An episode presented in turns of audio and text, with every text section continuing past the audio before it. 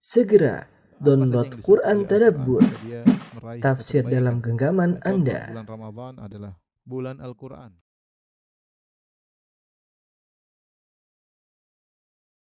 Bismillahirrahmanirrahim. Assalamualaikum warahmatullahi wabarakatuh. Alhamdulillahi ala ihsani wa syukru lahu ala taufiqihi wa amtinani. Asyhadu an la ilaha illallah wahdahu la syarika lahu ta'ziman li sya'ni wa asyhadu anna Muhammadan abduhu wa rasuluhu da'ila ridwani. Allahumma salli alaihi wa ala alihi wa ashabihi wa ikhwani. Eh, rekan-rekan, adik-adik sekalian yang dirahmati oleh Allah Subhanahu wa taala, para mahasiswa yang dirahmati oleh Allah Subhanahu wa taala. Eh, pada kesempatan pagi hari ini kita bersyukur kepada Allah Subhanahu wa taala yang tiada henti-hentinya memberikan kita karunia, tiada putus-putusnya. Yang karunia-karunia tersebut eh, tidak bisa kita hitung ya. Mau kita duduk menghitung-hitungnya tidak bakalan mampu. Kata Allah Subhanahu wa taala, wa in ta'uddu ni'matallahi la tusuha. Kalau kalian menghitung-hitung nikmat Allah, kalian tidak bakalan mampu untuk menghitungnya. Terlalu banyak ya. Baik nikmat-nikmat yang kita sadari, apalagi nikmat-nikmat yang tidak kita sadari. Dan di antara kenikmatan yang Allah berikan pada kita, pada kesempatan kali ini kita bisa berkumpul bersama untuk saling mengingatkan ya. Karena memang manusia ini tempatnya lupa ya. Sampai dikatakan dinamakan manusia dengan insan dinisyanihi karena lupanya. Uh, makanya kita perlu fadzakir, perlu ada yang memberi peringatan. Uh, dan kita mengamalkan firman Allah Subhanahu wa taala, "Innal insana lafi khusr", sungguhnya manusia seluruhnya dalam kerugian kecuali yang illal ladzina amanu wa amilus solihat wa tawassaw bil haqq wa tawassaw bis sabr kecuali yang beriman dan beramal saleh kemudian saling berwasiat saling menasihati dalam kebenaran dan saling menasihati dalam kesabaran ya. Nah, eh, pada kesempatan kali ini kita akan saling mengingatkan tentang bagaimana meraih kebahagiaan. Tentunya eh, kebahagiaan adalah cita-cita setiap orang. Siapa pun di atas muka bumi ini ingin bahagia, ya. Siapa yang hidup ingin bahagia. Ini adalah perbincangan dan cita-cita setiap insan, setiap manusia yang ada di alam semesta ini. Apa pun kedudukannya. Apakah dia seorang raja atau seorang presiden atau seorang uh, rakyat jelata, seorang yang sudah menikah atau yang masih jomblo belum menikah, ya. Uh, apakah seorang suami atau ibu rumah tangga, ya. Semuanya apakah sebagai direktur atau pegawai, semuanya ingin bisa berbahagia, ya. Semuanya ingin berbahagia. Ya. Dan mereka memiliki konsep-konsep tentang kebahagiaan dan mereka berusaha menjalankan konsep yang mereka merasa itu tepat bagi mereka. Mereka masing-masing berusaha mencari kebahagiaan yang dia inginkan. Ya, banyak orang menyangka bahwasanya kebahagiaan itu dengan memuaskan segala hawa nafsunya, apa yang dia inginkan dia turuti, ya maka dia akan bahagia. Apa yang dia hasratkan jika dia dapatkan maka dia akan bahagia. Ini logika sederhana, tapi kenyataannya tidak demikian. Kenyataannya banyak orang yang berusaha melam, apa namanya menggapai hasratnya, melampiaskan hasratnya, ini tidak bahagia. Uh, kita lihat kenyataan yang ada, berita-berita kita dengar ya. Sebagian orang menyangka bahwasanya mau namanya bahagia harus dengan duit yang banyak, harus kaya raya ya. Dan kita tidak tidak mengingkari bahwasanya harta merupakan sarana untuk meraih kebahagiaan. Ini benar kita tidak ingkari. Tapi bukan berarti bahwasanya mau bahagia harus sangat kaya, duit sangat banyak, ya. Ternyata kita dapati betapa banyak orang kaya yang tidak bahagia. Banyak orang kaya tidak bahagia. Kelihatannya secara casingnya kelihatannya bahagia, hidup hura-hura. Tapi coba kita ke dalam, kita akan dapati pertikaian, sengsaraan, ya. Sampai di antara mereka harus uh, meraih kebahagiaan dengan narkoba, ya dan banyak permasalahan yang mereka hadapi. Ya, tentu tidak semua orang kaya ada orang kaya yang bahagia, masya Allah kaya bahagia ada. Tapi ini menunjukkan bahwasanya kunci kebahagiaan bukan kekayaan.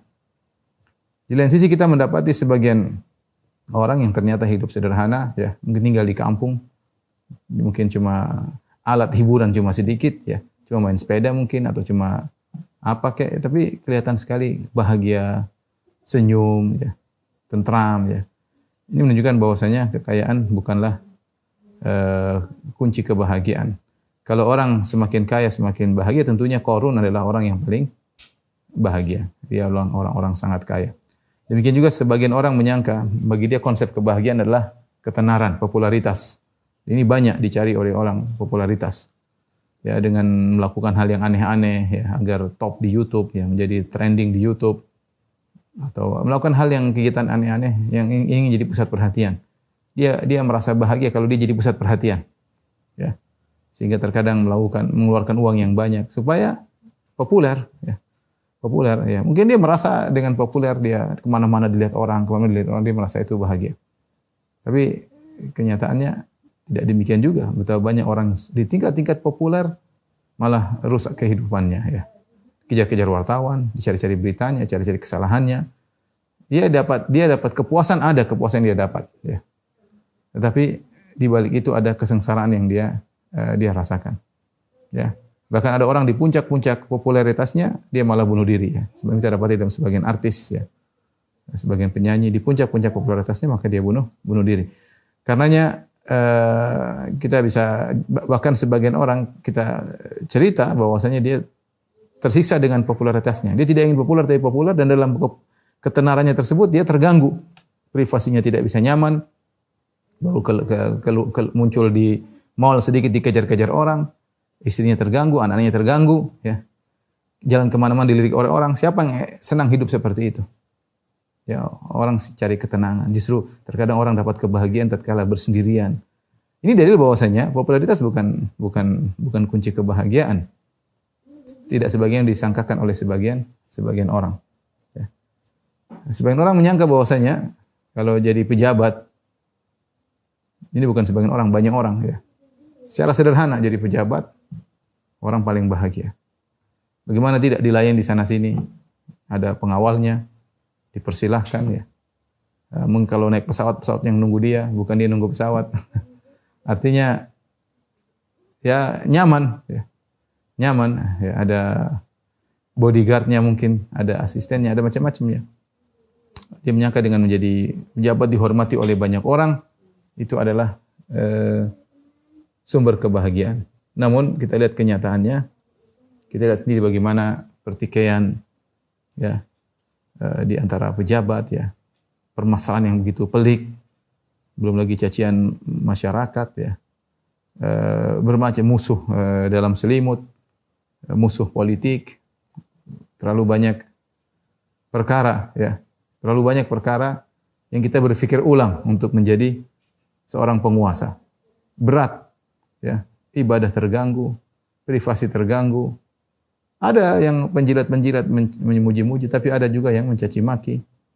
Uh, urusan tidak ada henti-hentinya ya. Lagi di masa-masa sulit seperti ini, betapa banyak uh, pejabat yang mungkin sulit menghadapi permasalahan sekarang seperti ini. Intinya, kalau memang jabatan adalah kunci kebahagiaan, maka tentunya harusnya harusnya para pemimpin yang paling bahagia. Harusnya para raja yang paling bahagia. Tapi belum tentu. Harusnya Fir'aun yang paling bahagia. Tapi ternyata uh, tidak juga ya. Tidak juga. Dari sini ikhwan dan akhwat yang rahmati Allah Subhanahu wa taala, kita tahu bahwasanya kunci kebahagiaan bukan itu semua. Dunia adalah sarana. Benar, seorang dengan hartanya bisa bahagia, sarana untuk bahagia. Seorang dengan ketenarannya, mungkin dia bisa berbahagia dengan ketenarannya. Seorang mungkin dengan jabatannya, dia bisa berbahagia. Tetapi itu semua sarana. Yang menjadikan seorang bahagia adalah jika dia dekat dengan Allah Subhanahu wa taala. Jika dia dengan dekat dengan Sang Pencipta. Ini logika sederhana kebahagiaan berkaitan dengan hati. Dan hati di tangan Allah Subhanahu wa taala. Ya. Inna qulubal ibad baina usbu'ain min asabi'ir rahman yuqallibuha kaifa yasha. Sungguhnya hati manusia berada di antara jemari Allah. Allah membolak-balikannya sekehendak Allah. Ya. Jadi yang memberikan kita kebahagiaan adalah sang pemilik hati. Dialah Allah Subhanahu wa taala. Oleh karenanya Allah memberikan konsep sederhana agar bahagia yaitu dengan beriman dan beramal saleh. Ya. Man amila salihan min dzakarin aw untha wa huwa mu'min falanuhyiyannahu hayatan thayyibah wa lanajziyannahum ajrahum bi ahsani ma kanu ya'malun. Kata Allah Subhanahu wa taala, barang siapa yang beramal saleh, man amila salihan min dzakarin aw untha, laki-laki maupun perempuan, wa huwa mu'min dengan syarat dia beriman kepada Allah Subhanahu wa taala. Falanuhyiyannahu hayatan thayyibah. Kami akan berikan sungguh-sungguh akan berikan dia kehidupan yang bahagia di dunia, ya, apalagi di akhirat. Walanajziyannahum ajrahum bi ahsani ma kanu ya'malun. Kami akan balas uh, dengan balas yang terbaik di akhirat kelak. Perhatikan Allah janjikan bagi orang-orang yang beriman dan beramal saleh mengumpulkan dua hal ini, dekat dengan Allah Subhanahu wa taala, maka itulah orang yang uh, bahagia. Adapun orang yang jauh dari Allah, man man a'rada wa man a'rada an dzikri fa inna lahu ma'isyatan dhanka wa nahsyuruhu yaumal qiyamati a'ma. Barang siapa yang berpaling dari peringatanku, berpaling dari Al-Qur'an, ya, berpaling dari ajaran Allah Subhanahu wa taala, fa inna lahu ma'isyatan dhanka, maka bagi dia adalah kehidupan yang sempit. Yaitu kesengsaraan. Kesengsaraan, ya. Kesengsaraan. Meskipun casingnya dari luar kelihatannya Eh, bahagia, hura-hura, ke sana kemari, ketawa ketiwi, tapi dalam hatinya ada kesengsaraan. Ya. Semakin dia berpaling dari jalan Allah Subhanahu Wa Taala, ya semakin dia sengsara. Jadi kebahagiaan itu bukan orang yang paling suka banyak tertawa, enggak, enggak. Betapa banyak orang-orang suka tertawa, mungkin pelawak, mungkin dia sendiri sengsara. Kehidupannya sengsara, mungkin bahkan di antara mereka yang narkoba, bahkan di antara mereka banyak kita kasihan. Jadi maksud saya jangan terpedaya namanya bahagia itu tertawa-tertawa melulu itu berarti bahagia enggak. Enggak. Jangan tertawa melulu kayak orang gila juga ya. Jadi maksud saya kebahagiaan bukan bukan itu. Ya, ini mungkin adik-adik masih masih pada muda-muda ya. Ini eh, pengalaman-pengalaman hidup yang kita sampaikan ya. Apalagi orang-orang tua kita yang senior ya mereka tentu lebih banyak pengalaman lagi. Intinya saya ingin menyampaikan bahwasanya konsep kebahagiaan itu kunci kebahagiaan sangat mudah. Beriman dan beramal soleh. Tinggal bagaimana penerapan iman dan amal soleh itu dalam realita kehidupan kita sehari-hari secara praktis ini yang kita sampaikan ya. Tentunya iman dan amal soleh mungkin orang punya punya pandangan sendiri dia merasa dengan ini dia beriman dan beramal soleh. Tapi kita butuh apa namanya kiat-kiat secara praktis. Bagaimana kita menerapkan uh, iman dan amal soleh tersebut dalam kehidupan kita sehari-hari agar kita bahagia. Ikhwan dan akhwat yang subhanahu wa ta'ala. Dari iman dan amal soleh ini, kita bisa membagi secara global menjadi dua dua kiat-kiat ya. Kiat-kiat pertama adalah bagaimana hubungan kita dengan Rabbul Alamin harus kita perbaiki.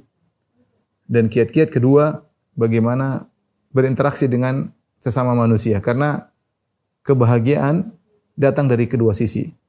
Dan penderitaan juga bisa datang dari dua sisi. Penderitaan bisa datang dari hubungan kita yang buruk dengan Allah Subhanahu wa taala dan bisa datang dari hubungan kita yang buruk dengan sama manusia. Tidak syar'i. Tidak syar'i. Maka kita berusaha untuk membagi kiat-kiat untuk bahagia yang semua kiat-kiat tersebut kembali kepada iman dan amal soleh. Ya. Kembali kepada dua uh, prinsip secara umum bagaimana hubungan kita dengan Allah, yang kedua bagaimana interaksi kita dengan uh, dengan sesama.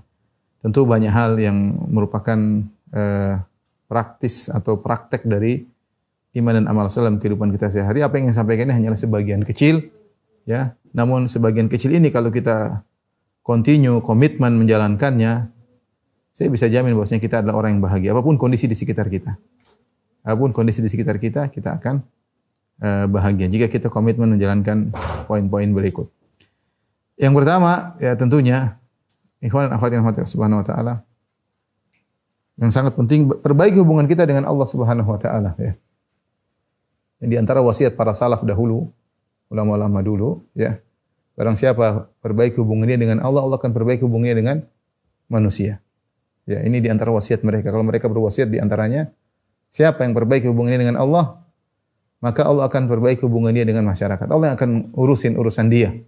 Ya, tidak semua kita pandai bercengkrama, tidak semua kita pandai bekerja dengan baik, tidak semua kita pandai berinteraksi. Tapi yang paling penting pertama perbaiki hubungan Anda dengan Allah terutama dalam kesendirian ya. Ya. E, oleh karenanya e, sering orang bertanya bagaimana e, kondisimu dengan orang tuamu, bagaimana kondisimu dengan anakmu, bagaimana hubungan dengan istrimu, bagaimana hubungan dengan suamimu, bagaimana kegiatan sekolah, bagaimana kegiatan pekerjaan, bagaimana hubungan dengan bos, bagaimana interaksimu dengan eh, anak-anak, ada satu pertanyaan yang jarang ditanyakan. Kaifa haluka ma Allah? Bagaimana hubunganmu dengan Allah? Ini yang sering orang tidak tanya ya. Tentu tidak patut juga untuk ditanya, tapi kita tanya pada diri kita sendiri. Bagaimana hubunganmu dengan Allah? Sejauh mana hubunganmu dengan Allah? Ya, ya kita dikasih umur 24 jam per hari. Tanya, berapa waktu yang kita usahakan untuk memperbaiki relasi kita dengan Rabbul Alamin? Yang di tangannya lah kebahagiaan, kebahagiaan kita. Sejauh mana kita memperbaiki hubungan kita dengan Allah, maka uh, ini adalah sumber kebahagiaan, sumber kebahagiaan. Maka saya katakan pada saya pada diri saya pribadi dan juga pada adik-adik sekalian. Mulai sekarang kita tanya, sekarang hubungan kita dengan Allah bagaimana? Sekarang ini, saat ini. Dekat enggak kita dengan Allah Subhanahu wa taala? Adalah kerindu, adakah kerinduan untuk salat malam? Ada kerinduan untuk membuka ayat-ayatnya? Adakah kerinduan untuk meneliti apa sih maksud surat-surat yang Allah turunkan untuk kita baca? Ada atau tidak ya? Jadi sejauh mana hubungan kita dengan Allah, sejauh itu kita akan meraih meraih kebahagiaan. Maka di antara amalan-amalan praktis yang yang saya rasa itu mendatangkan kebahagiaan adalah pertama kali sholat malam. Sholat malam itu adalah kunci kebahagiaan. Ya. Tinggal kita jalankan. Cuma mau bahagia, itu bahagia sholat malam.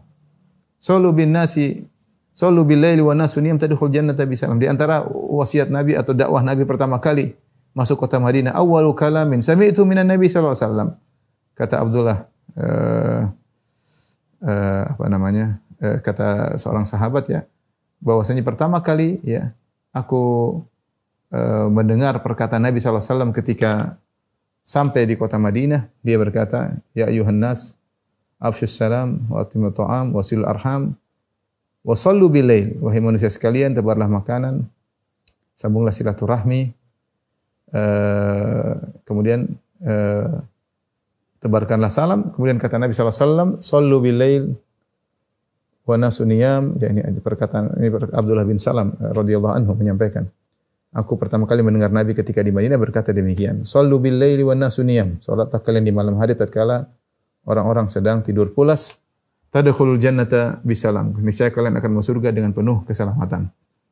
Oleh karenanya di antara syariat, kita tahu di ketika Nabi di kota Mekah, syariat tidak banyak yang turun pembicaraan ketika Nabi di fase Mekah selama 13 tahun kebanyakan adalah mengenai akidah.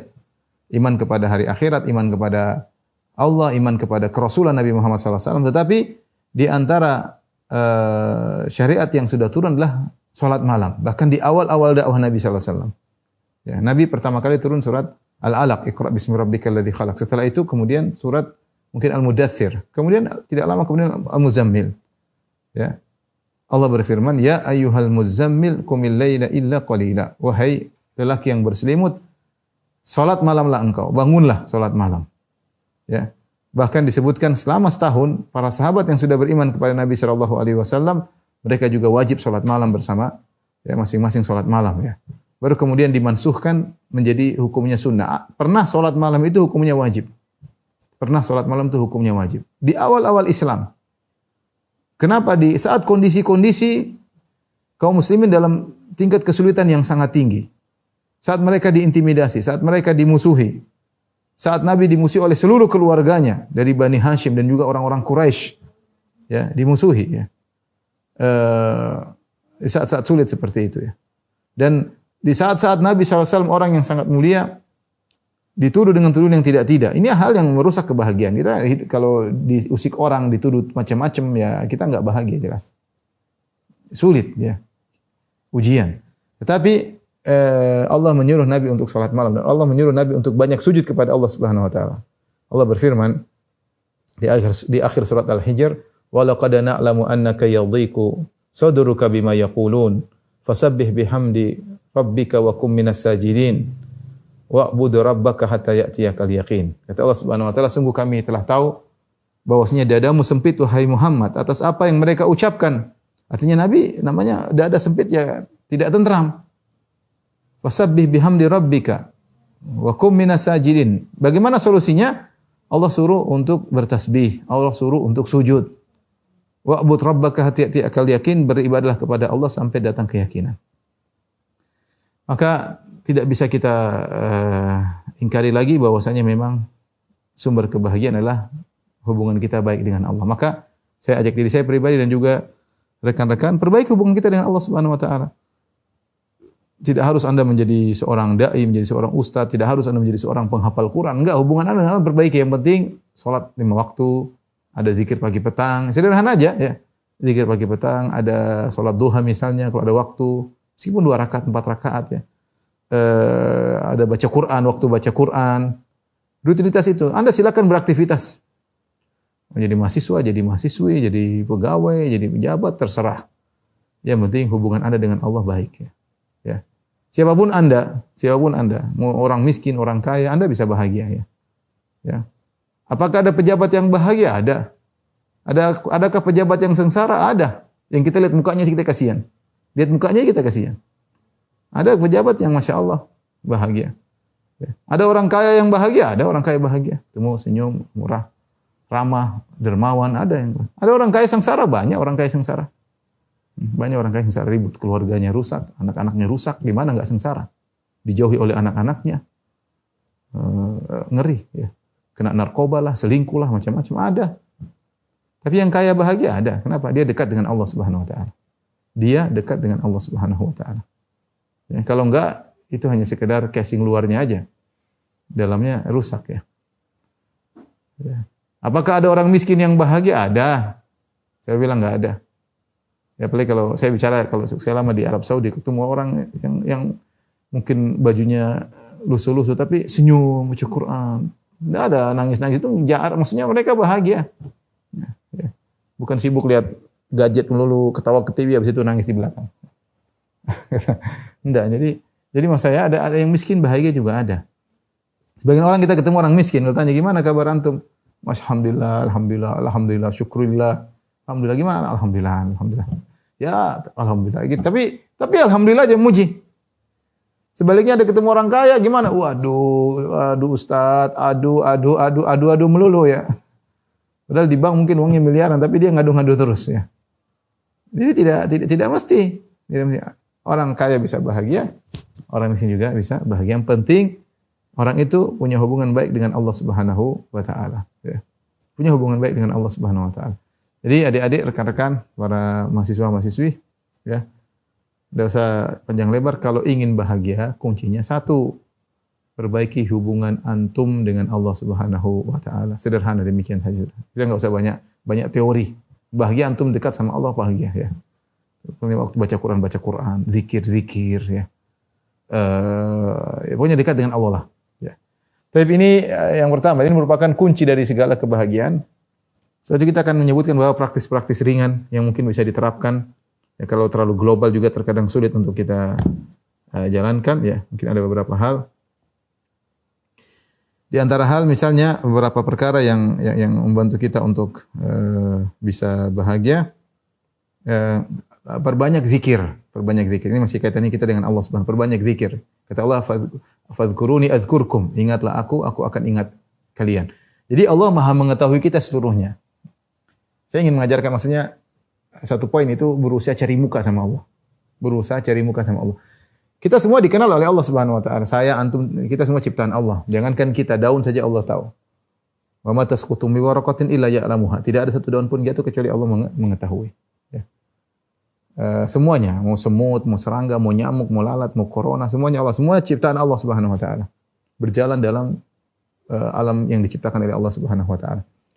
Tetapi ada Allah memberikan perhatian-perhatian khusus dengan pertolongannya, dengan perhatiannya. Kapan? Ketika kita mencari muka sama Allah Subhanahu wa taala. Di antara cara kita cari muka sama Allah bukan cari muka sama manusia dengan banyak berzikir. Fadhkuruni adzkurkum. Ya. Ya. Man dzakarani fi nafsihi kata Allah dalam Al-Qur'an, fadhkuruni adzkurkum. Ingat ingatlah aku akan ingat aku akan ingat kalian. Dalam hadis qudsi kata Allah, "Man dzakarani fi nafsihi dzakartu fi nafsi." Wa dzakarani fi mala'in dzakartu fi mala'in khairin minhum. Siapa yang menyebut aku dalam jiwanya, aku akan sebut dia juga dalam jiwaku. Siapa yang menyebut aku uh, di depan suatu uh, apa namanya? Uh, suatu kumpulan orang, aku akan menyebut dia di kumpulan yang lebih baik itu di depan para para malaikat. Jadi subhanallah di tengah orang-orang yang sedang-sedang sibuk dengan perkara-perkara mereka, kita cari muka. Allah, Allah, Allah, Allah senang hambanya yang ingin berusaha mendekatkan dirinya kepada Allah. Sudah capek kita cari muka di hadapan manusia. Sudah letih kita cari muka di hadapan manusia. Kebahagiaan belum kita dapatkan. Anda cari muka di hadapan Allah. Ya. Dengan apa? Dengan zikir, banyak zikir. Ibadah yang ringan, tapi mendatangkan kebahagiaan. Ala bi dzikrillah tatmainnul qulub. Ya. Alladzina amanu tatmainnu qulubuhum bi dzikrillah. Orang-orang yang beriman dan tentram hati mereka dengan mengingat Allah. Ala bi dzikrillah tatmainnul qulub. Ketahui dengan berzikir pada Allah, hati menjadi tentram. Ya, saya katakan menjadi pusat kebenaran kalbu. Kalbu kita kapan tentram di antaranya dengan dengan berzikir. Kita ini subhanallah ya. Uh, kita tidak bisa menguasai anggota tubuh kita sendiri. Kolbu kita tidak bisa kita kuasai. Dia terlalu banyak hal yang bisa memberi pengaruh dalam kolbu kita ya. Dengan penglihatan, pendengaran bisa mempengaruhi kolbu kita ya. Dia, uh, makanya kita sering sulit untuk mengontrol. Pingin bahagia nggak bisa bahagia, pingin khusyuk nggak bisa khusyuk. Ya. Pingin memaafkan nggak bisa memaafkan. Pingin nggak sedih malah sedih. Kenapa? Kolbu kita ini nggak bisa kita nggak bisa kontrol. Lemah kita ini. Dan dia dipengaruhi oleh banyak hal yang membuat kondisi dia menjadi suatu kondisi yang baik atau kondisi yang buruk. Maka di antara hal yang membantu kolbu kita menjadi kolbu yang baik, berzikir. Berzikir. Paksakan diri kita untuk terbiasa berzikir. Paksakan. Zikir pagi petang jangan sampai pernah ditinggalkan. Berusaha semaksimal mungkin. Kalau tidak bisa sempat ya dikodok malam tidak apa. Kalau zikir petang pagi kalau lupa pada subuh tidak apa. Meskipun matahari sudah terbit tidak ada masalah. Ya. Tapi berusaha zikir pagi petang paling berapa? 15 menit pagi, 15 menit sore. Duduk serius uh, ingat Allah Subhanahu wa taala atau dalam pekerjaan juga ada masalah yang penting terbiasa hati kita connecting dengan Allah Subhanahu wa taala. Ini salah satu bentuk kita cari muka sama Allah Subhanahu wa taala. Ketika ada seorang sahabat minta wasiat kepada Nabi, kata Nabi sallallahu alaihi wasallam, "La yazalu lisanuka ratban min dzikrillah." Jangan lupa hatimu untuk senantiasa basah karena mengingat Allah Subhanahu wa taala. Jadi diucapin astagfirullah, astagfirullah, la ilaha illallah, la ilaha illallah, la haula wala quwata illa billah. Subhanallah walhamdulillah wa la ilaha illallah, Allahu akbar. Ya. Uh, zikir. Kalau habis sholat jangan buru-buru, zikir tenang aja zikir. Subhanallah, subhanallah, subhanallah. Sambil direnungkan maknanya. Ini benar-benar membuat hati bahagia. Buat hati bahagia. Mau kemasalan tumpuk sebesar apa pun, kita sujud, kemudian kita zikir, subhanallah. Hati menjadi tentram. Ala bidzikrillahi tatmainnul qulub. Ketahuilah bahwasanya hati ini uh, zikir kepada Allah menjadikan hati tentram. Yang berikutnya zikir yang paling afdal adalah baca Al-Qur'an. Jangan lupa baca Al-Qur'an. Adik-adik harus punya punya target dan itu dimulai sejak sekarang. Jangan bilang Ustaz, sekarang saya sibuk Ustaz jadi mahasiswa jadi mahasiswi. Ya nanti lebih sibuk lagi kalau udah punya punya gandengan, sudah punya partner lebih sibuk lagi. Apalagi punya punya momongan lebih sibuk lagi. Kalau kamu nggak persiapkan sejak sekarang, nggak biasakan diri sejak sekarang, nanti jangan harap. Ya, mumpung sekarang kalau saya anak muda sih banyak kosongnya, apa yang mau diurus ya? Kuliah selesai banyak waktu nganggurnya, waktu banyak kosongnya. Terus mengurus apa? Kalau kita udah nikah, lihat urus, urusan banyak istri diurus ya. Anak-anak diurus, kadang orang tua kita harus kita urus.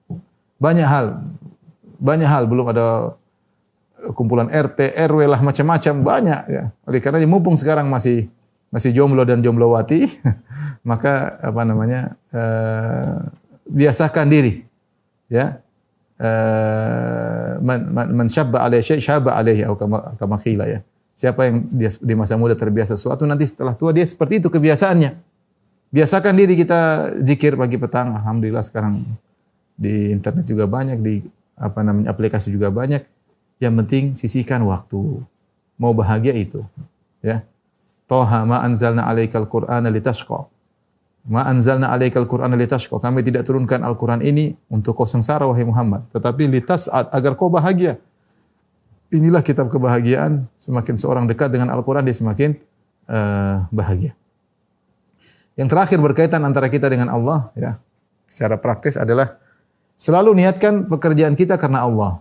Itu membuat kita connecting terus sama Allah. Jadi orang sering ingat Allah bahagia. Apa yang anda mau lakukan? Perbaiki niat. Saya ini buat apa? Saya kuliah buat apa sih niatnya? Menyenangkan orang tua. Kenapa saya menyenangkan orang tua? Allah yang suruh saya senangkan orang tua. Insya Allah berpahala. Saya masuk jurusan ini kenapa? Saya ingin begini, saya ingin begini untuk uh, kaum muslimin, untuk bangsa dan negara, untuk menolong Eh, masyarakat misalnya, niat diperbaiki. Selama niat kita karena Allah, perkaranya mudah. Ya. Apalagi seorang ikhlas. Orang ikhlas itu orang paling bahagia. Makanya eh, Syekh eh, Abdurrahman bin Nasr bin Sa'di rahimahullah taala mengatakan di antara usul kebahagiaan pokok-pokok kebahagiaan yang pertama adalah ikhlas kepada Allah. Seorang yang senantiasa kegiatannya karena Allah maka dia akan bahagia. Karena kenapa dia baik? Karena semua perbuatan dia karena Allah dan ini berlaku dalam urusan-urusan duniawi. Kita sekolah kenapa sih? Tanyakan pada diri saya. Kita kuliah kenapa sih? Ya. Kenapa saya jenguk tetangga? Kenapa saya jenguk orang sakit? Kenapa saya silaturahmi? Ingat, kalau kita karena Allah kita akan bahagia. Kita karena Allah kita akan bahagia. Ini uh, kiat-kiat yang pertama yang berkaitan hubungan antara kita dan Allah Subhanahu wa taala saya rasa uh, sedikit saja tapi yang penting kita terapkan. Sekarang yang kita ingin bahas adalah di antara sumber kebahagiaan adalah bagaimana interaksi kita dengan sesama manusia. Ya, ini juga perkara poin yang sangat penting. Jangan kita salah berinteraksi. Ya, meskipun ini semua kembali kepada syariat, siapa yang berinteraksi dengan syariat yang benar dia akan dia akan bahagia. Tapi kita perlu perlu poin-poin praktis. Ya, bagaimana uh, hubungan kita dengan sama manusia. Dengan hubungan yang benar kita akan bahagia, dengan cara hubungan yang salah kita akan sengsara kita akan sengsara ya. Uh, setelah kita menguatkan hubungan kita dengan Allah Subhanahu wa taala ya. Uh, kita mulai perhatikan bagaimana interaksi kita dengan sama uh, manusia. Ikhwan akhwat yang rahmati Allah Subhanahu wa taala, para mahasiswa dan mahasiswa yang dirahmati oleh Allah Subhanahu wa taala. Uh, yang pertama di antaranya kurangi ya uh, sebisa mungkin tidak ngurusin urusan orang lain ya sebisa mungkin tidak ngurusin urusan orang lain, tidaklah kita berinteraksi dengan orang lain kecuali ada maslahatnya. Contoh, karena kita ingin jenguk dia sakit, karena ingin kita bantu dia, ya. Uh, adapun berita-berita tentang apa yang bergulir di alam semesta ini, ya jangan terlalu kita habiskan banyak waktu untuk melihat, mendengar dan berkomentar. Tidak usah. Ya secukupnya saja. Ada kejadian kita tahu secara sederhana sudah cukup. Kecuali kita punya kompeten ke situ, uh, ada hal yang kebaikan kita perhatikan situ, oke okay, lakukan. Tapi kalau enggak, enggak usah. Karena Nabi SAW bersabda, min husni islamil mar'i tarkuhu ma la. Di antara keelokan Islam seorang adalah meninggalkan yang bukan urusannya. Kalau bukan urusan kita, enggak usah kita nimbrung. Saya baca ada ada orang apa namanya sebarkan eh, kirim ke saya pernyataan seorang uh, seseorang dia tulis di Twitternya ya. Jadi ada seorang dia banyak minum kopi, dia banyak minum kopi. Kemudian akhirnya ada seorang lihat dia, kemudian datang kepada dia. Ini di Arab maksudnya. Kohwa, kohwa Arab itu yang kuning dia minum banyak minum minum minum minum. Kemudian ada yang tanya sama dia, kamu saya lihat dia ingin tahu. Saya lihat kamu banyak minum kopi. Kenapa? Apa rahasianya? Memang ada apa di balik banyak minum kopi ini? Terus Kata dia, e, kamu tahu kakek saya 100 tahun lebih masih hidup. Oh, begitu ya. Karena dia punya satu kebiasaan. Apa kebiasaan minum kopi? Bukan. Kebiasaannya nggak ikut campur dengan urusan orang lain. saya minum kopi banyak bukan urusanmu. Artinya, eh, masya Allah. Jadi orang kalau tidak ngurusin banyak urusan orang, dia akan punya waktu yang bisa dia manfaatkan. Saya bukan larang apalagi mahasiswa mesti ingin tahu perkembangan dunia, Twitter dan macam-macam. Tapi kalau sesuatu yang lebih daripada yang seharusnya, itu akan mudarat. Semua yang berlebihan itu mudarat. Apalagi dia mengatakan husn Islam bil ma'ruf tarku malayani yang bukan, bukan di antara keelokan Islam seorang adalah uh, meninggalkan yang bukan urusannya. Kita ini banyak banyak perkara urusan tuh banyak. Apa itu urusan kita bukan? Baca ini. Kalau mau diikuti berita banyak sekali. Waktu kurang 24 jam. Berita ini, berita anu, berita ini, berita anu, berita ini, berita anu. Anak muda ini biasanya waktunya banyak, akhirnya ya lihat macam-macam, komentar macam-macam, menilai macam-macam, ya. Ya saya bilang bukan dilarang, artinya ya, mungkin kita perlu tahu ya wawasan ya. Tapi kalau terlalu banyak jadi sampah, sampah informasi yang tidak akan membina kita untuk berpikir sesuatu. Kita alhamdulillah banyak informasi yang baik yang membantu membina cara berpikir kita, membantu membina pola berpikir, cara pandang, keilmiahan kita. Ada banyak informasi di dunia internet banyak sekali. Ya, makanya kita kurangi hal-hal yang bukan urusan kita. Ngapain saya tahu urusan ini? Saya nggak perlu tahu. Ada artis misalnya cerai sama eh, suaminya sudah bukan urusan Anda. Kecuali kalau Anda mau kawin ya, Bapak itu urusan Anda silakan dikejar.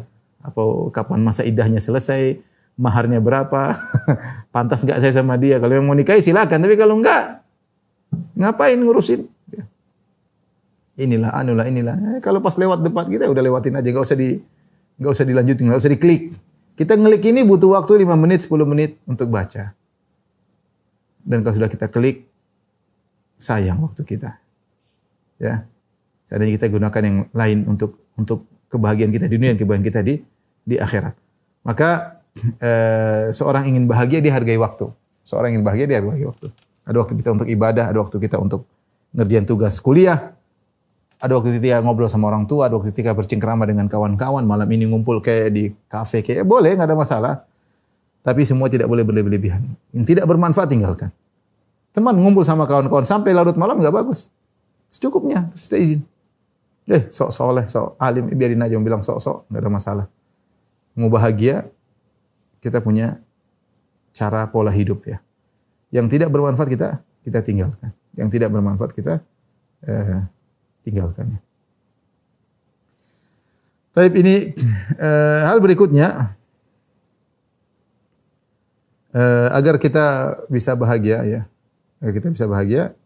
Kalau sudah punya keluarga, mungkin antara masih-masih sudah menikah, fokus untuk punya hubungan baik dengan pasangan ya. Artinya kita menjadikan rumah kita tempat kerinduan kita. Kita ingin pulang ke rumah. Jadi jadikan rumah kita tempat yang kita betah di rumah tersebut. Kalau kita sudah betah di rumah kita bahagia. Kalau kita sudah betah di rumah kita bahagia. Sebagian orang tidak bahagia di rumahnya, maka dia keluar cari kegiatan-kegiatan kegiatan. Sampai bilang sama saya Ustaz saya ini, aduh, ya saya makanya saya malas pulang ke rumah Ustaz. Kenapa? Karena dia ada masalah dengan istrinya. Ya, saya punya kursi di sini, saya kursinya di sana. Ya Allah, gimana ya? Rumah rumah tangga kayak begitu. Sengsara orang seperti begini. Ya. Ya, masih yang masih jomblo harus tahu ya bahwasanya kalau udah nikah fokus bikin kebahagiaan di rumah. Ya Allah mengatakan uh, apa namanya wa ja'ala lahu zaujaha zaujahu liyaskuna ilaiha. Kata Allah liyaskuna ilaiha. Uh, apa namanya? Huwallazi khalaqakum min nafsi wahidah. Uh, dia yang menciptakan kalian dari satu jiwa, kemudian Allah menjadikan uh, bagi jiwa tersebut zaujaha liyaskuna ilaiha ya. Jadikan istri pasangannya agar menjadi tentram dengan istrinya tersebut. Ya, Allah juga berfirman dalam ayat yang lain, litaskunu ilaiha. Ya. Allah menciptakan kalian ya istri-istri agar kalian tentram dengan istri-istri tersebut. Saya sering sampaikan bahwasanya kebahagiaan utama seorang laki adalah tentram dengan istrinya. Ya, tentram dengan istrinya. Maka ciptakan kebahagiaan di rumah. Jangan sampai kita cari kebahagiaan di luar, ya akhirnya kita tidak bahagia di rumah. Seorang laki yang masih cari kebahagiaan di luar, pada hakikatnya adalah laki yang sengsara. Kalau dia sudah menemukan kebahagiaan di rumah, berarti dia laki yang paling bahagia. Laki yang paling bahagia. Rindu ketemu istrinya, pingin ngobrol sama istrinya, pingin bercengkrama sama istrinya, bahagia kulihat wajah istrinya, ya. Ciptakan ya, suami istri harus demikian. Ini di antara sarana yang buat kita bahagia karena waktu kita banyak di di rumah. Kalau kita tidak ciptakan kebahagiaan di rumah, maka kita adalah orang yang yang eh, sengsara. Kemudian eh, di antara hal yang membantu kita menjadikan kita bahagia adalah membantu orang lain, membantu orang lain karena kaidah mengatakan al jaza min amal, balasan sesuai dengan perbuatan. Siapa yang berikan kebahagiaan kepada orang lain, Allah akan bikin kebahagiaan kepada dia. Ya. E, balasan sesuai dengan perbuatan. Makanya di antara amalan yang paling dicintai oleh Allah Subhanahu wa taala adalah membantu orang lain. Wahabul a'mali ila Allah sururun tudkhiluhu ala qalbi muslim Amalan yang paling dicintai oleh Allah adalah rasa bahagia yang kau masukkan dalam hati seorang muslim. Au tatruda an hujuan atau kau hilangkan rasa laparnya. Au takshifa anhu kurba atau kau hilangkan penderitaannya. Au taqdi anhu dainan atau kau lunaskan hutangnya. Ya. Ini amalan yang sangat dicintai oleh Allah Subhanahu wa taala, ya. Makanya orang yang paling semangat untuk memberi manfaat kepada orang lain adalah Nabi Muhammad sallallahu alaihi wasallam. Dia orang yang paling bahagia. Dia adalah orang yang paling bahagia. Dan ini perlu belajar berkorban. Berkorban karena Allah. Anda ketika membantu orang lain, ada yang Anda korbankan. Paling tidak korban waktu, ada korban waktu, mikir dia, telepon dia, ngurusin dia. Ada korban uang, Anda harus riwa-riwi ke sana atau ada uang yang dikeluarkan. Ini tapi semuanya karena Allah. Ini su- sum- sumber kebahagiaan. Anda ingin bahagia, praktekkan itu. Praktekkan. Mikir kebahagiaan orang tapi karena Allah ya, bukan bukan karena riak, bukan karena disanjung, bukan ingin dipuji, enggak. Karena Allah Subhanahu wa taala. Dan ini disampaikan juga oleh Syekh Sa'di rahimahullah yang mengatakan usulus sa'adah. Kebahagiaan itu sumbernya dua. Pertama ikhlas kepada Allah Subhanahu wa taala, yang kedua berbuat baik kepada orang lain. Berbuat baik kepada orang lain. Anda berbuat baik sama orang seperti ada sabda Nabi sallallahu alaihi wasallam, ada seorang yashku qaswata qalbihi. Ya Rasulullah, hati saya keras ya Rasulullah. Kata Rasulullah wasallam, in aradta talyina qalbik, kalau kau ingin kalbumu jadi lembut, hatimu lembut, ya. Ya. Fatmil miskin, berilah makan kepada fakir miskin, wamsah uh, ra'sal yatim dan usaplah tanganmu di kepala anak yatim. Ya. Kenapa? Ini yang dirindukan oleh seorang anak yatim. Ada yang perhatian sama dia. Makanya saya kadang sampaikan sama kawan, anak yatim banyak yang nakal. Kenapa? Karena dia tidak ada yang perhatikan. Kalau anak ada orang tuanya, dia mau nakal, oh, nanti bapak tanya, nanti ibu nanya, nanti papi tanya, nanti mami nanya. Tapi kalau dia nggak ada yang nggak ada yang perhatian, ya udah dia mau ini mau anu, dia mau nangis nangis kepada siapa? Dia mau mengeluh mengeluh kepada siapa? Dia mau nakal siapa yang bertegur? Sehingga liar. Ini banyak ini mas subhanallah ujian bagi anak-anak ya. Ya, Anak-anak anak yatim biasanya seperti itu. Nah, ketika Anda datang, Anda elus kepalanya, Anda kasih dia duit, Anda kasih ngobrol sebentar, dia apa kebahagiaan yang dia dapatkan? Ya, Kebahagiaan yang dia dapatkan. Terkadang anak yatim nggak nangis, dia nangis kepada siapa? Dia bingung. Saya mau nangis sama siapa? Tidak ada ada yang kasihan dengan dia. Tapi kalau dia tahu ada tempat tumpuan, dia akan nangis. Dia akan akan nangis. Nah, ini contoh kita berikan kebahagiaan kepada anak yatim, kita insya Allah diberikan kebahagiaan. Ini ini teori apa namanya? Ini suatu yang kita imani. Ini masalah keimanan. Anda ingin bahagia bantu orang lain. Dan logika kata dalam hadis disebutkan bahwasanya orang yang yang, yang dermawan itu seperti dia memakai baju yang sempit tapi kemudian menjadi melonggar, melonggar, melonggar kata Nabi sallallahu. Sebaliknya orang yang pelit itu dia pakai baju yang sempit dan bajunya semakin sempit. Makanya orang yang dermawan hatinya lapang. Dia sering berkorban karena Allah Subhanahu wa taala, hatinya dibuat lapang oleh Allah Subhanahu wa taala. Hatinya dibuat lapang oleh Allah Subhanahu wa taala. Ini antara praktis juga untuk bisa eh, berbahagia. Kemudian di antara agar kita bisa bahagia ya qanaah. Qanaah ini adalah kunci kebahagiaan. Puas dengan apa yang Allah berikan kepada kita, tidak melirik kepada yang lebih banyak daripada kita ya. Uh, oleh karenanya kata Imam Syafi'i rahimahullahu taala uh, idza ma kunta dha qalbin qana'in fa anta malikud dunya sawa'u. Kalau kau memiliki hati yang qanaah kau dan raja sebenarnya sama saja ya. Sama saja. Raja bahagia dengan kekayaan, kau bisa bahagia dengan kesederhanaanmu. Ya. Nah, ini qanaah kunci kebahagiaan. Kapan kita mulai tidak bahagia ketika kita terlalu wala tamuddanna ainaika ila ma mata'na bihi min azwa zahratal hayatid dunya ya. Terlalu melihat lihat ini mewah, itu mewah, ini mewah, rumahnya lebih gede, mobilnya lebih eh, ini istrinya lebih cantik, oh udah kita nggak akan bahagia. Mau bahagia, qanaah. Enjoy dengan apa yang kita dapatkan, nikmati buat kebahagiaan dengan apa yang kita Allah berikan kepada kita. Jangan terlalu melihat eh, jauh-jauh ya.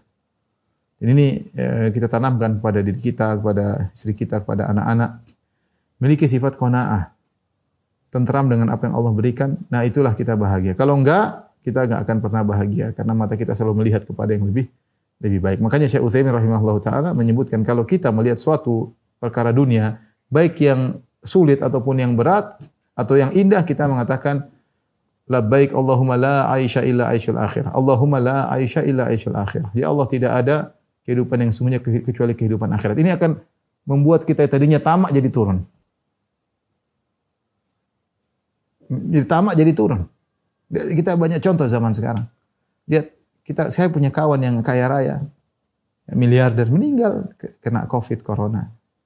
Ya, artinya alhamdulillah dia jadi orang soleh, tapi harta yang diwanya tidak tidak tidak tidak bisa dibawa dalam kuburan. Ya. ya. Selanjutnya dia tinggal berbahagia dengan mudah-mudahan dia bahagia di alam sana dengan amal solehnya. Ya. Ini akan kita tinggalkan. Keindahan dunia yang luar biasa ini akan kita tinggal. Kita kita gunakan untuk akhirat kita. Ya. Nah, kalau kita selalu melihat kepada yang mewah, kepada yang ya, ya, kita akan nggak akan pernah bahagia. ya kita nggak akan pernah bahagia. Nikmati yang Allah berikan. Kita punya motor, misalnya masih itu punya motor. Ada yang masih motor mungkin moge, ya udah. Udah nikmati yang ada ya, nikmati yang ada. Anda bisa bahagia kok nggak harus punya motor tersebut. Bisa jadi Anda punya motor tersebut malah nggak bahagia, malah cari ini, kemudian aksesorisnya banyak, kemudian perkumpulan, kemudian cari lagi yang lebih canggih, kemudian ah macam-macam deh. Kita nggak tahu ya. Apa yang Allah takdirkan pada kita kita nikmati. Itu namanya qanaah. Karena kalau kita selalu ke atas kita nggak pernah bahagia. Lau kana li bni Adam wadiyani min dzab labtaghu thalithan. Kalau seorang anak Adam punya emas dua lembah, dia akan mencari lembah yang ketiga. Tidak akan pernah berhenti. Tidak akan pernah berhenti. Ya la tanzuru ila man fawqakum walakin inzur walakin inzuru ila man asfala minkum. Jangan pernah lihat ke atas, tapi lihat ke bawah. Fa innaha ajdaru alla tazdaru nikmatallahi alaikum. Kalau kalian lihat ke bawah, kalian tidak akan meremehkan nikmat yang Allah berikan kepada padamu. Taib. Terakhir saya mungkin sampaikan juga, mungkin penting, menurut saya penting. Bagaimana kita menghadapi orang-orang tidak sesuai dengan keinginan kita? Mungkin bikin jengkel, mungkin apa, masalah, zolimi kita dan macam-macam. Nah, kita harus punya sikap juga. Pertama saya bilang, dalam hidup ini jangan cari masalah. Berusaha tidak mencari masalah. Kecuali kita harus beramal pernah nahi mungkar, kalian cerita. Selama kita bisa tidak punya masalah, jangan cari masalah. Ya. Kita nggak suka sama orang. Tidak perlu kita ungkapkan. Ya sudah, jauh aja dari dia. Jangan kita bikin masalah, serang, berkelahi, nggak usah. Karena kalau kita sudah punya masalah sama orang, itu menyita waktu, menyita energi, menyita duit, ngabisin umur kita. Jengkel-jengkelan.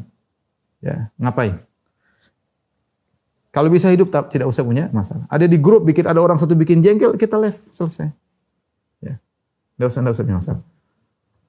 Kalau kita sudah terjebak dalam permasalahan, berusaha keluar dengan tenang, dengan nyaman. Ini dalam grup nih, rame-rame, ada rapat dan macam satu sudah angkat suara. Kita kalau teruskan kayaknya kita bakalan ribut. Kita keluar dengan cara yang baik. Jangan meninggalkan kesan buruk. Agar kita keluar selesai. Kita nggak pingin ada kedongkolan. Kita pingin hidup tentram. Caranya bagaimana ya kita misalnya kita bilang maaf kawan-kawan. Masya Allah, mudah-mudahan kalian diberkahi oleh Allah Subhanahu Wa Taala. Mohon maaf saya minta izin saya ada urusan banyak banget. Mohon maaf selama ini kalau ada kekurangan. Baik-baik aja, nggak usah kita angkat ego kita. Kalian memang saya sudah jalan, ternyata kalian parah. Nggak usah. Kecuali memang ada masalahnya silakan. Tapi kalau enggak, nggak usah cari masalah. Meskipun sudah terjebak dalam lumpur permasalahan, keluar dengan cara yang baik. Sehingga kita keluar, ya udah. Karena kalau tidak dengan cara yang baik, akan banyak kelanjutan. Makanya dalam masalah, contoh masalah paling berat adalah perceraian. Dan itu mungkin terjadi pada siapa saja. Ya. Allah menyuruh sarrihuhunna nabi ma'ruf. Ya, ya. Apa namanya? Amsiku nabi ma'ruf au fariquhunna bima'ruf. Kata Allah, kalau mau bareng dengan cara yang baik, kalau cerai dengan cara yang baik. Ya. Usarrih kunna ya, sarohan jamilan. Ketika Nabi ingin menceraikan istri-istrinya, Nabi bilang, saya kalau kalian mau dunia, saya ceraikan dengan cara yang baik. Kenapa kehidupan menjadi parah? Karena banyak perceraian yang tidak baik. Ya. Cara keluar dari masalah tidak tepat. Nah, kita berusaha karena ini karena Allah kita mendapat permasalahan, ya Allah bantulah aku keluar dari permasalahan dengan cara yang baik. Berusaha hidup ini tidak cari masalah dan berusaha di hidup ini tidak cari musuh. Memang akan ada musuh kalau kita menyampaikan kebenaran atau apa yang menurut kita baik, kalau kita bernahi mungkar. Tapi selama tidak harus punya musuh, jangan cari musuh. Bahkan kalau musuh pun kita nggak usah lawan dengan permusuhan. Kita baikin, kita ramah. Kalaupun harus membalas-balas dengan baik. Irfa billati hiya ahsan sayyi'ah. Kata Allah, balaslah keburukan dengan kebaikan. Itu jalankan. Kita kembali kepada Allah Kata Allah wa idza khatabahumul jahiluna qalu salama. Di antara ciri-ciri ibadur rahman penghuni surga, kalau ada orang-orang bodoh ngomong sama dia, dia cuma jawab salam. Dia tidak gubrisi. Makanya maksudnya jangan cari masalah. Dia bilang udah macam-macam, udah pergi aja. Tinggalkan mundur bertahap. Hidup ini seperti itu. Ya. Uh, ini yang pertama. Yang kedua, nah, jangan berharap orang mengikuti keinginan Anda ya. Ya. Rasulullah mengatakan al-mu'min eh, apa namanya apa namanya yang hidup yang bersama kaum kaum muslimin yang lain wa yasbir ala adahum dan sabar dengan gangguan mereka. Artinya dalam kehidupan ini kita berinteraksi mungkin dengan bos, dengan anak buah, dengan supir, dengan membantu, dengan atasan, dengan tetangga. Tidak semua interaksi mereka sesuai dengan keinginan kita. Tidak semua. Bisa jadi menurut kita baik, menurut mereka tidak baik. Bisa jadi menurut kita buruk, menurut mereka baik. Repot. Bisa jadi mereka memang buruk misalnya. Dan kita juga banyak kesalahan. Jadi jangan menyuruh orang semua harus ikut dengan gayamu. Kalau ikut gayamu kok tidak akan bisa bahagia. Udah kita dapati ya Allah memang beginilah kehidupan manusia. Saya punya sikap bagaimana menghadapi mereka. Di tengah-tengah sikap mereka seperti yang yang mustahil saya menyuruh mereka semua ikut dengan gaya saya, kemauan saya. Saya presiden pun belum tentu bisa buat orang semua ikut seperti saya. Saya presiden pun. Apalagi saya siapa? Bukan siapa-siapa. Saya hanyalah seorang tinggal di kampung yang bukan orang kaya juga, bukan orang terkenal. Mau semua orang hidup dengan keinginan saya? Enggak. Kita menerima kenyataan di, demikianlah kehidupan dunia ini. Eh, manusia bermacam-macam modelnya, kita tinggal me- memposisikan diri dengan sikap yang baik. Cari gimana cara apa namanya eh, orang bilang apa fun atau namanya seni bermuamalah dengan tetangga bagaimana, dengan atasan bagaimana. Ini harus jangan semua orang selalu ikut dengan kemauan kemauan kita. Kemudian taruhlah orang tersebut eh, mendolimi kita. Berusaha kita maafkan. Tentu maafkan karena Allah Subhanahu wa taala. Ya. Enggak usah kita perpanjang, ngapain kita dendam, enggak usah. Kita bilang ini sudah dicatat 50 ribu tahun sebelum ciptakan langit dan bumi. Sudah maafkan aja deh. Maafkan. Orang paling utama kita maaf orang dekat. Kakak kita, adik kita, orang tua kita, istri kita, anak kita, sudah. Apalagi tetangga, apalagi teman. Sudah kita kasih uzur. Mereka manusia, saya juga manusia. Ada saatnya kita khilaf. Ayah kita Nabi Adam alaihissalam juga khilaf. Anak-anak juga akan khilaf ya. Ada kesalahan. Kasih uzur. Al-mu'min kata seorang uh, salaf al-mu'min yatlubu al-ma'adir. Wal munafik yatlubul atharat. Orang mukmin berusaha mencari uzur bagi saudaranya yang salah. Adapun orang orang munafik mencari kesalahan-kesalahan saudaranya. Dia punya uzur ya. Ya, ya namanya tangga, ya, ya, namanya juga kehidupan bermasyarakat, namanya juga manusia. Ya begitu. Kita jadi kita maafkan. Maafkan. Ya sudah ini sudah tercatat 50 ribu tahun sebelum Allah menciptakan langit dan bumi. Sudah saya tidak bisa menghindar dari kezaliman ini. Dia pasti menzalimi saya, sudah ditakdirkan oleh Allah Subhanahu wa taala. Mau diapain? Ya. Jadi maafkan. Lihatlah bagaimana orang yang memiliki sifat maaf, orang-orang besar, orang-orang hebat. Anda pendendam, Anda bukan orang hebat.